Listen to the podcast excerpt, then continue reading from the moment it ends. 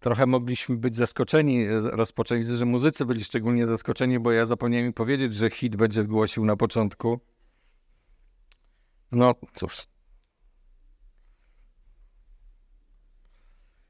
Trzeba być przygotowanym. Byliście zresztą. Bardzo dobrze. Hit, bardzo Ci dziękuję za, za słowo. E, Hit posłuchał e, mojej prośby grzecznej i rzeczywiście głosił bardzo konkretnie i krótko, tak jak powinien brzmieć wstęp przed kazaniem, więc bardzo Ci dziękuję. Dziękuję Ci za treść tego słowa. Bardzo, bardzo to było, tak jak na początek nabożeństwa, było bardzo potrzebne, bardzo fajne. Dziękuję bardzo Bogu i dziękuję Tobie za Twoją wierność i mam nadzieję, że częściej będziesz chciał stawać tu przed nami i głosić słowo.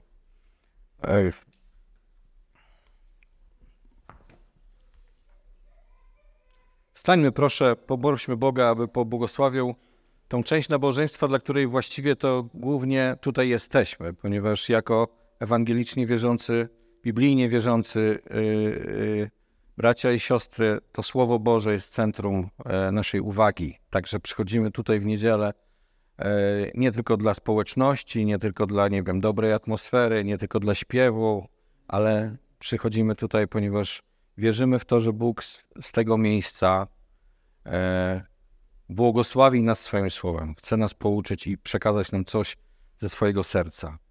Panie, e, przychodzimy tutaj do Ciebie w słabości, bo kimże my jesteśmy.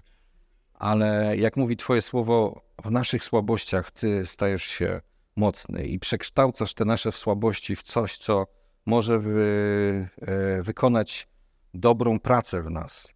I dlatego Prosimy Cię dzisiaj o nasze serca, aby one były chłonne i aby one chciały i potrafiły, Panie, aby zostały uzdolnione do tego, aby przyjąć coś z Twojego słowa, abyśmy my chcieli usłyszeć coś, co jest dla nas przeznaczone z dzisiejszego, e, z dzisiejszej usługi, Panie. I prosimy Cię, błogosław to słowo, błogosław nas tutaj zebranych. E, dziękujemy Ci, Panie, za to, co już otrzymaliśmy i e, czekamy niecierpliwie na to, co przed nami. Tobie niech będzie cześć i chwała w świętym imieniu Jezusa Chrystusa. E, amen. Ja przeczytam teraz fragment słowa, e, który dłuższy, dłuższy fragment słowa z pierwszego listu do Koryntian. I to nie będzie ten fragment, z którego ja się tak naprawdę będę z wami dzielił, ale potrzebuję tego fragmentu, żeby cały, osadzić odpowiednio kontekst tego, w czym mówię o czym będę mówił. Więc y, otwórzcie, jeżeli możecie, swoje Biblię na pierwszym liście do Koryntian, 12 rozdziale. On zwykle jest kojarzony, ten y, rozdział, bo tak też jest nawet zatytułowany. Tytuły nie są natchnione, ale tak dla ułatwienia są, y, tak dla ułatwienia są, są, dla ułatwienia są tutaj umieszczone.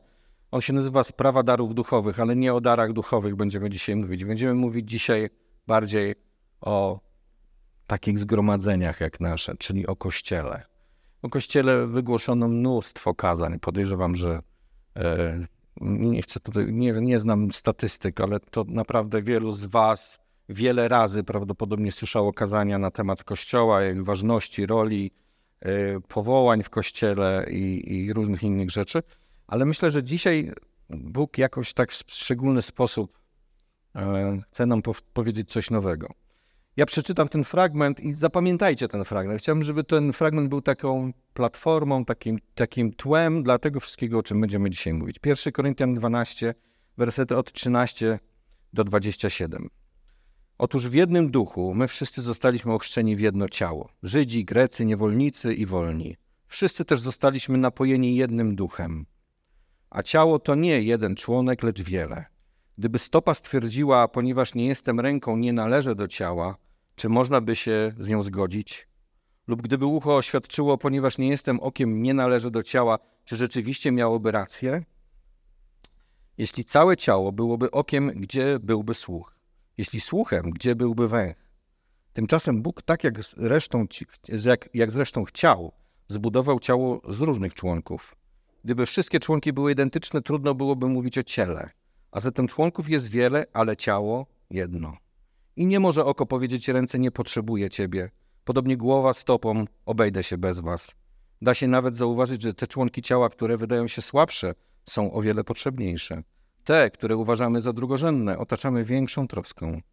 O przyzwoitość intymnych dbamy bardziej, podczas gdy członki bardziej widoczne takiej troski nie wymagają. Lecz Bóg tak właśnie złożył ciało, że pomniejszemu dał większe znaczenie, aby w ciele nie zabrakło harmonii i aby wszystkie członki w równym stopniu się o siebie troszczyły. Stąd, jeśli cierpi jeden członek, cierpią z nim wszystkie. Jeśli doznaje chwały jeden członek, cieszą się też z nim wszystkie. W tym właśnie sensie my wszyscy jesteśmy ciałem Chrystusa, a każdy z osobna członkami. Amen. Usiądźcie, proszę. I teraz przeczytam fragment pisma z okresu czasu, kiedy Kościoła jeszcze nie było, ale widać było już jego świt. Już był niedaleko. Kościół już jawił się na horyzoncie. Już padły o nim słowa. E, ale jeszcze ci, którzy je słyszeli, nie rozumieli, co przed nimi. I może was to zdziwi, ale zagłębimy się teraz do ogrodu Getsemane. Kiedy jest już po wieczerzy, ostatniej wieczerzy dzisiaj, tak a propos, mamy jeszcze wieczerzę, więc będziemy świętować tą pamiątkę.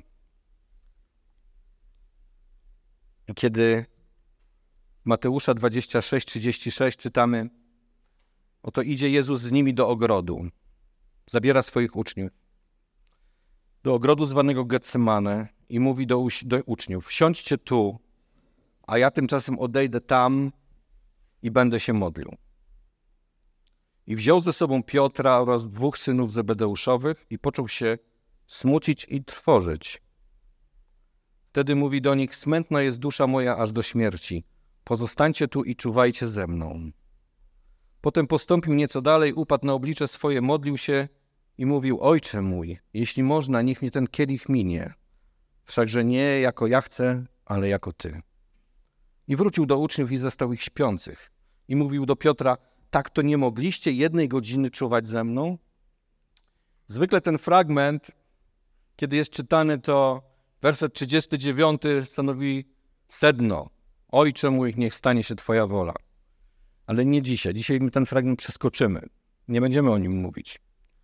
Dzisiaj chciałbym się skupić na Jezusie Chrystusie i na sytuacji, w której się znalazł, i na sytuacji uczniów. E, bo to oni kiedyś, kiedy Jezusa już fizycznie z nimi nie będzie, będą tworzyć podwaliny tego, czego On był, jest głową i co On zapoczątkował. I tutaj mamy sytuację, w której On zabiera tych trzech ze sobą do ogrodu Getsemane. Piotra, Jakuba i Jana, czyli synów Zebedeuszowych i ma do nich prośbę. W chwili próby, w chwili swojego, jeśli to nie był najtrudniejszy moment tej całej sytuacji, to był zdecydowanie najbardziej wymagający, ponieważ Jezus w tym momencie w Getsemane toczy niezwykłą walkę. Niezwykłą walkę. Zabiera tych trzech ludzi ze sobą. Nie wiemy dlaczego akurat ci. Coś w nich było takiego, że akurat tych trzech Piotra, Jakuba i Jana zabiera ze sobą.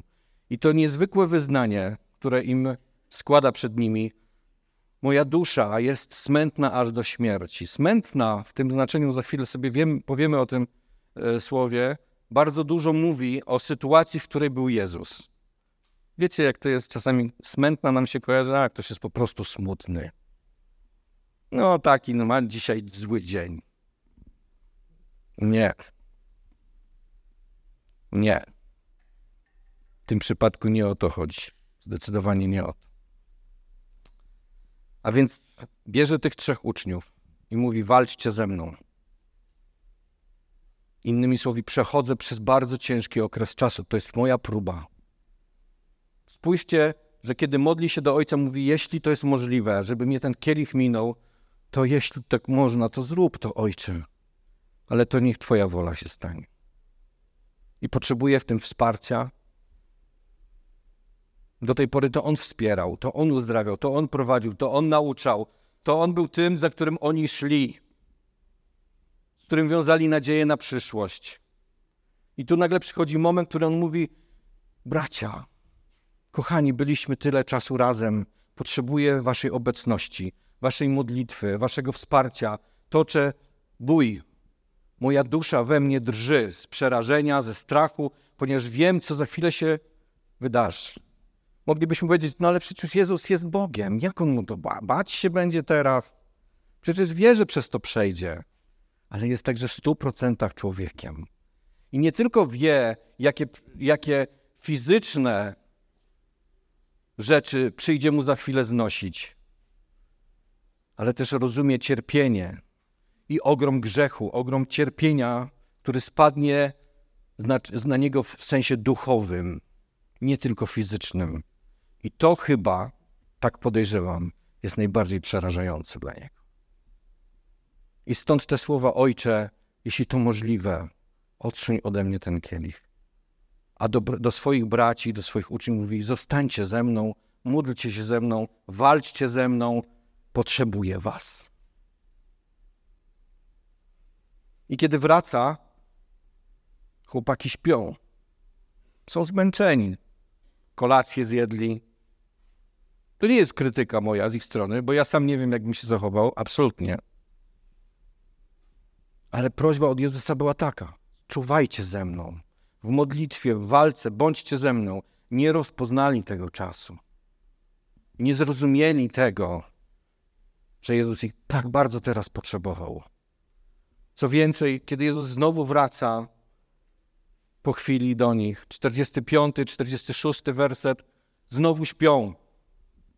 A w 56 wersecie wszyscy uciekają. Nie ma żadnego z nich. A obietnice były inne. Zostanie, Piotr mówił wręcz, ja się ciebie nie zaprę, ja z tobą zostanę. Absolutnie nic, nic, nic się nie stanie takiego. Rozproszyli się, uciekli.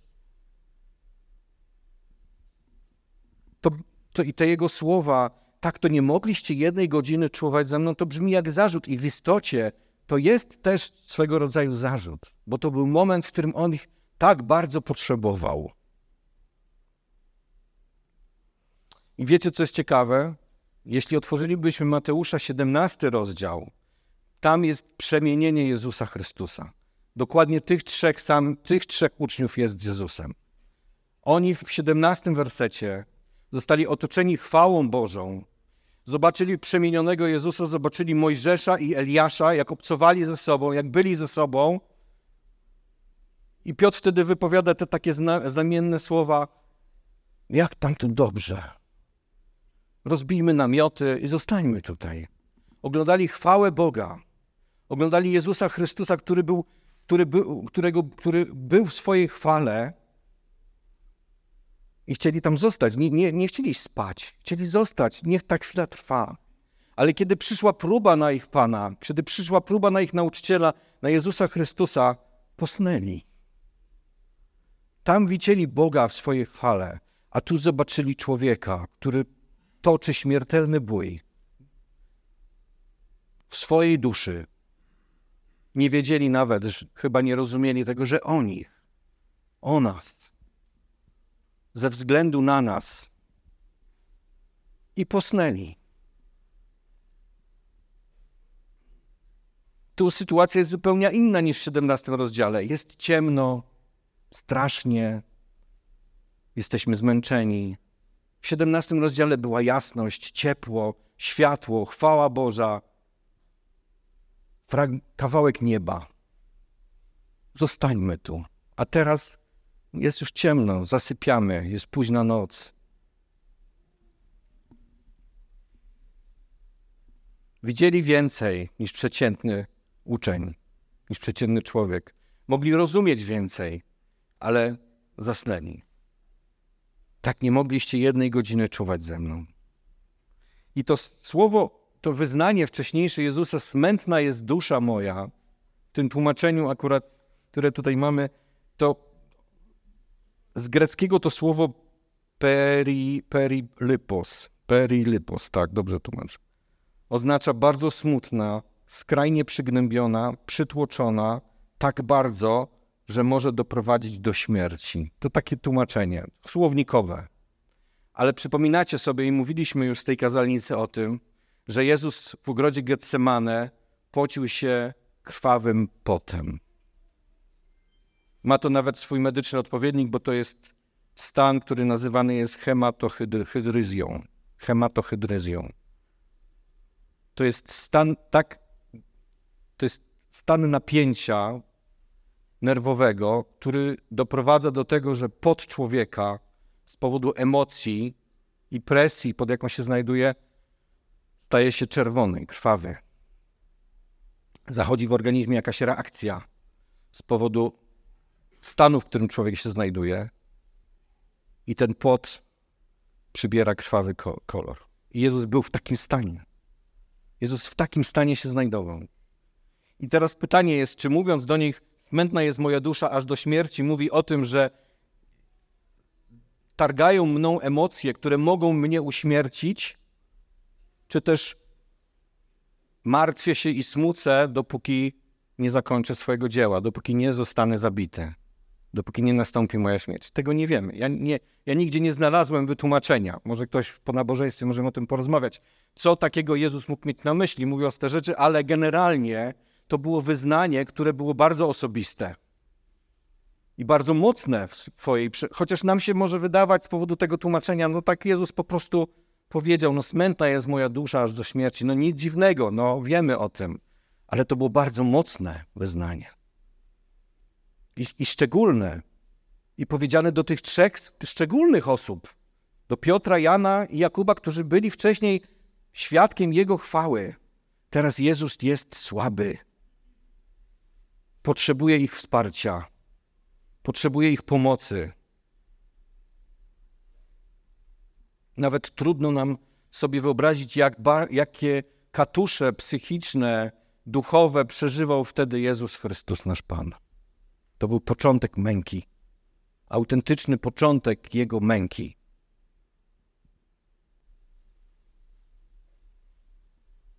I został sam. Na polu bitwy został z tym sam.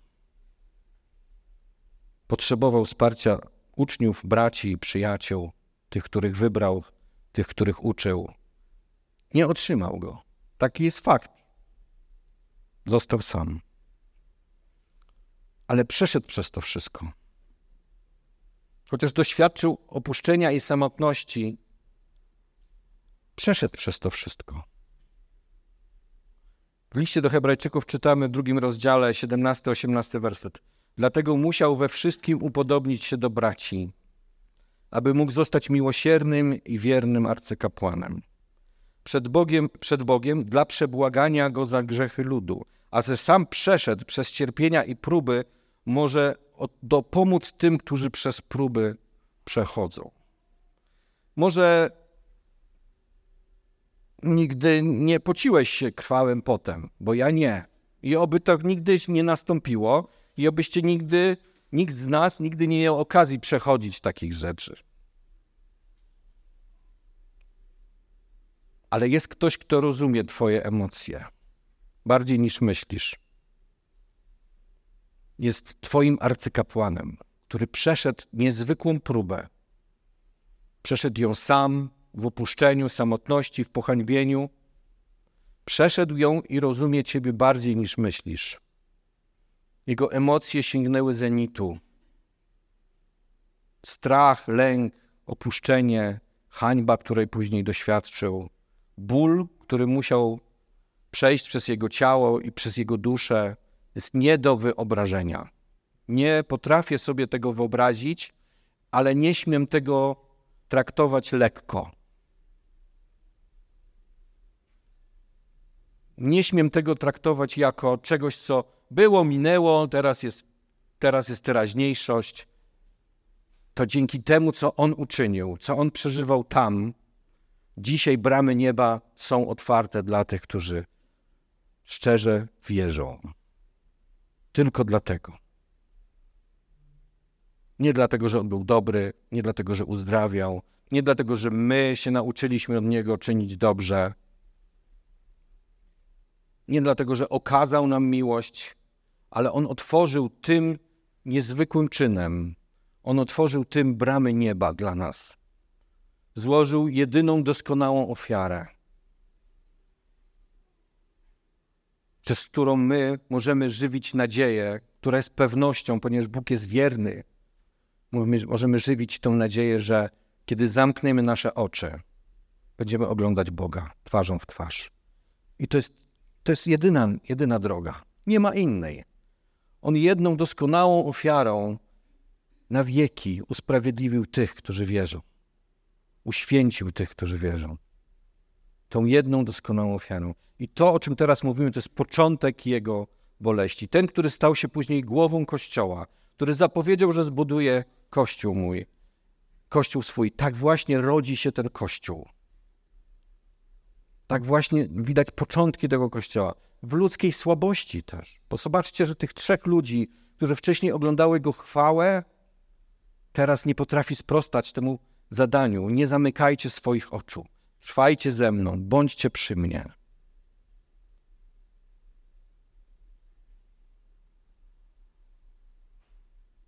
Jaka jest więc nasza rola? Jaka jest więc nasza rola? Pozostańcie i czuwajcie. Nie zasypiajcie.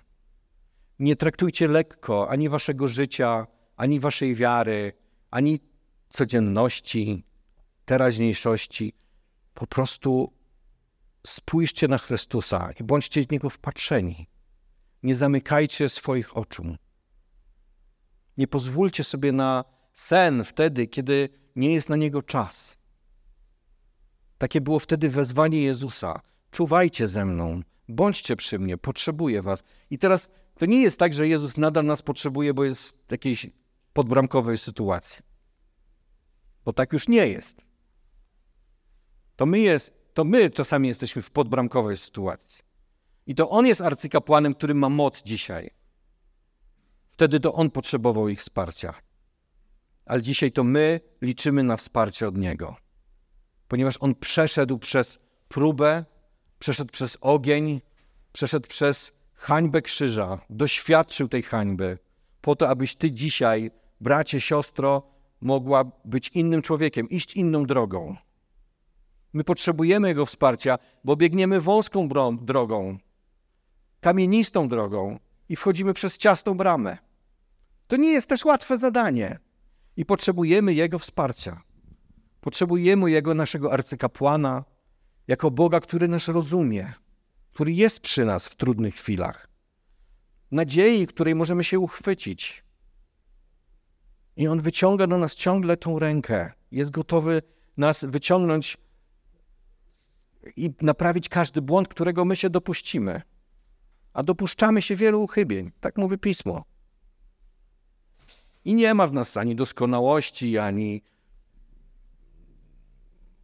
ani świętości. Jeśli mamy świętość i doskonałość, to ona pochodzi prosto od Niego. Jest Jego dziełem w nas, ale nie jest to z nas. Uczniowie to doskonale pokazywali, jak to się robi. Trwać przy Chrystusie.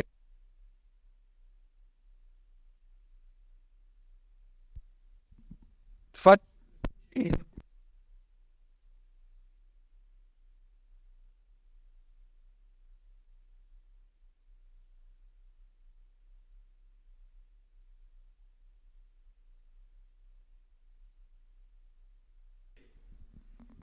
13 sekund. Bardzo dobrze. Hebrajczyków 12, 12 rozdział, wersety od 1 do 3. Przeto i my, mając około siebie tak wielki obłok świadków, złożywszy z siebie wszelki ciężar i grzech, który nas usidla, biegnijmy wytrwale w wyścigu, który jest przed nami, patrząc na Jezusa, sprawcę i dokończyciela wiary patrząc na Jezusa, sprawcę i dokończyciela wiary, nie zamykając swoich oczu, ale patrząc na Jezusa, sprawcę i dokończyciela naszej wiary. To jest nasze zadanie. To jest nasza ścieżka, nasza droga. Nie spuszczajcie z niego wzroku. Nie zasypiajcie. Jest takie przysłowie: nie zasypujcie gruszek w popiele. Tak? Nie pozwólcie sobie na manowce, na odpoczynek w znaczeniu takim, że a odpuszczę sobie. Ja kiedyś sobie odpuściłem, bardzo długo, bardzo potem tego żałowałem. Chciałem sobie zrobić wakacje od kościoła, od chrześcijaństwa. Myślałem, że to jest taka przygoda, a Bóg to traktował bardzo poważnie. Kiedyś wam pewnie o tym opowiadałem, więc nie chcę się powtarzać. Ale do dzisiaj pamiętam tą nauczkę. Miałem dwadzieścia parę lat, może około 30. Nie, dwadzieścia parę lat, jeszcze przed ślubem. I myślałem, że można sobie po prostu odpuścić. I Bóg się mnie, o mnie upomniał. Dostałem nauczkę.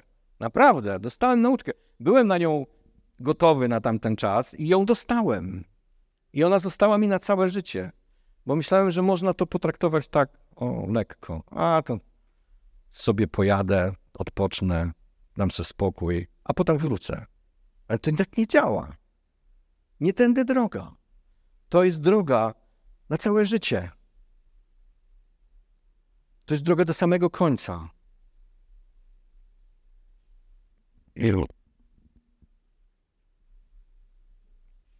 I czytając dalej, patrząc na Jezusa, sprawcę i dokończyciela wiary, który zamiast doznać należytej mu radości wycierpiał krzyż, nie bacząc na jego hańbę i usiadł na prawicy tronu Bożego, przeto pomyślcie o tym, który od grzeszników zniósł tak wielkie sprzeciwy wobec siebie, abyście nie upadali na duchu utrudzeni.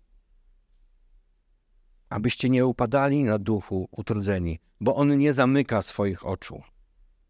On nie zasypia. Nie odpuszcza sobie. Jest arcykapłanem, który wstawia się za nami. Jego krew spłynęła po krzyżu dla naszego zbawienia i ona jest wciąż ma, wciąż ma tą samą moc. Wciąż bramy nieba są otwarte.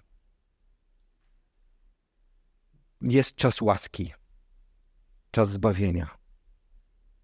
Kto chce, kto potrzebuje, kto pragnie, niech przyjdzie po wodę żywą. To są słowa Jezusa.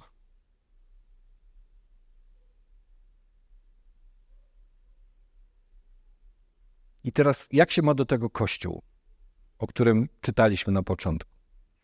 Ano ma się tak, że my siebie nawzajem potrzebujemy. Tak jak w tym liście do Koryntian, jak Paweł pisze o tych wzajemnie, wzajemnie zależnych od siebie członkach jednego ciała. Potrzebujemy siebie nawzajem, aby się wspierać wtedy, kiedy jeden członek cierpi, kiedy jeden członek ma problem, kiedy jeden członek upada.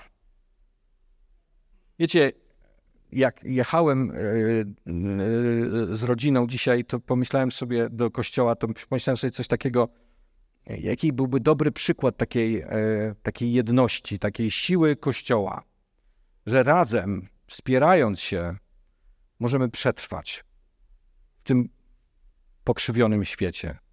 Przetrwać w znaczeniu zachować wiarę, patrzeć na Chrystusa i iść za Nim. Nie ulec modom i trendom świata. Jak w morzu ktoś tonie, tak? Jest sygnał ratownika, e, że ktoś zniknął pod wodą. Widzieliście kiedyś, co robią ludzie, plażowicze? Czasami oddzielają się od, od siebie parawanami, znacie to zjawisko parawaningu e, na, na, plaża, na polskich plażach i tak dalej. Ale kiedy ktoś tonie i jest sygnał, że trzeba kogoś ratować, to chwytają się tak, jeden drugiego, pod ramiona i idą takim, taką tyralierą. Idą.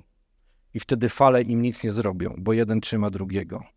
I co więcej, szukają, mają większą szansę znaleźć tego, który jest pod wodą niż gdyby byli w pojedynkę. Bo albo fala by ich zmiotła i też zaczęliby tonąć, albo też nigdy nie natrafili na, ten, na tego, który jest pod wodą. Ale kiedy są tak złączeni ze sobą i jest 20 czy 30 metrów ludzkiej, ludzkiego muru, który jest bardzo silnie ze sobą związany ramionami, to kiedy idą do przodu, to stanowią prawdziwą siłę.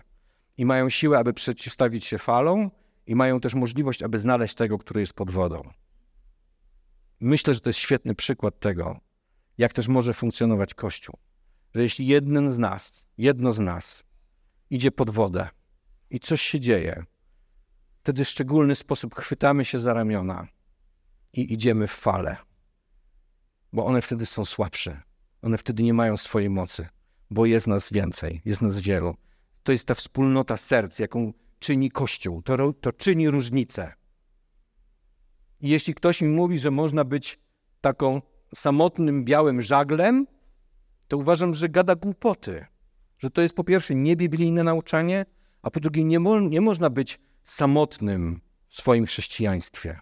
Potrzebujemy siebie nawzajem, tak jak Jezus potrzebował wtedy swoich uczniów. Tak jak my dzisiaj potrzebujemy tego świętego, doskonałego arcykapłana, który przeszedł przez próby, aby nas wspierać teraz. I który jest głową tego kościoła. Całego swojego kościoła. I dlatego jesteśmy tymi wzajemnie zależnymi od siebie członkami jednego ciała, które razem stanowią siłę. Siłę, która jest w Jezusie Chrystusie. I w tej jedności, którą stanowimy, kiedy jesteśmy razem. I kiedy cierpi jeden człowiek, kiedy, kiedy, kiedy cierpi jeden członek, kiedy jest jakiś problem, kiedy ktoś upada, kiedy ktoś, nie wiem, traci siły, wpada w jakieś kłopoty, to Kościół nie jest po to, aby go wskazać palcem i pokazać: tak nie róbcie, tak nie postępujcie, takich decyzji nie podejmujcie. Kościół chwyta się wtedy za ręce, chwyta się za ramiona, podnosi takiego człowieka z głębiny, z wody, przenosi go na brzeg i troszczy się. I troszczy się.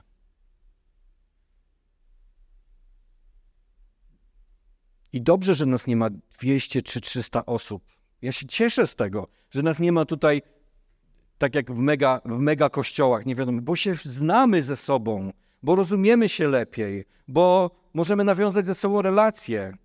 Wiecie, w takich dużych kościołach, nie wiem jak to jest, bo nigdy nie byłem w takim kościele, w takim zborze, gdzie jest kilkaset osób, ale podejrzewam, że tam relacje między jedną stroną kościoła a drugą gdzieś tam mogą zanikać.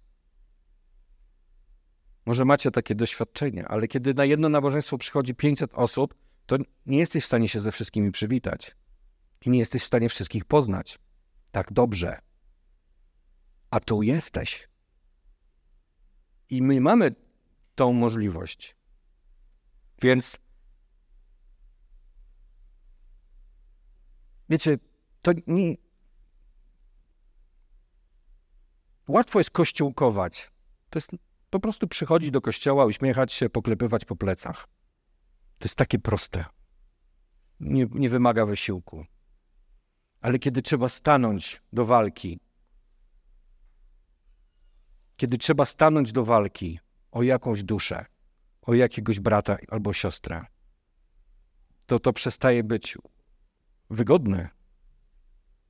Trzeba coś poświęcić, coś dać z siebie.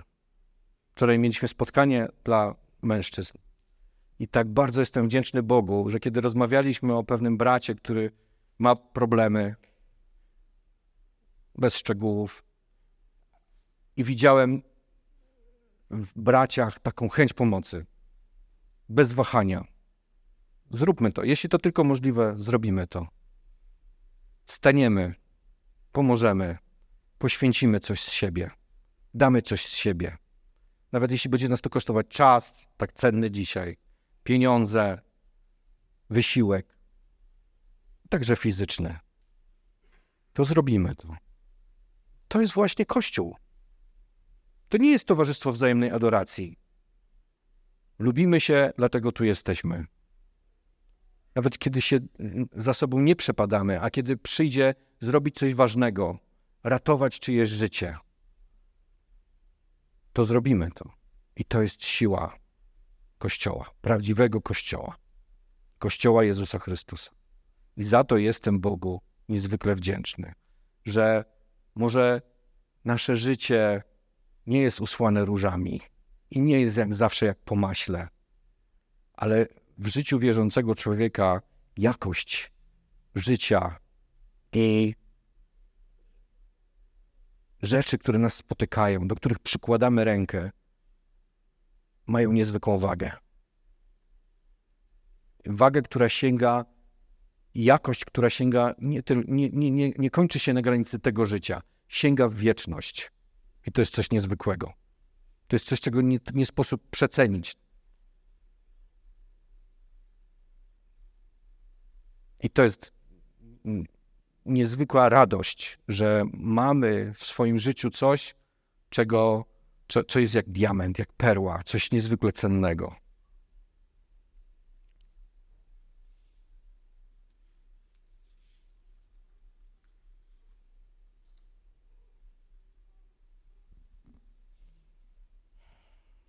Panie, dziękujemy Ci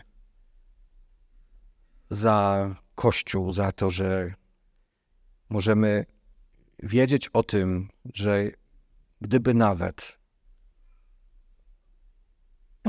w naszym życiu, w naszej drodze nie szło nam przez chwilę najlepiej, to tutaj w tym miejscu, pośród nas, mamy wsparcie, mamy miłość, mamy wyciągniętą pomocną dłoń i że uczy nas tego ten, który przeszedł przez znacznie więcej niż możemy sobie wyobrazić i który rozumie nas lepiej niż my możemy sobie to o tym myśleć.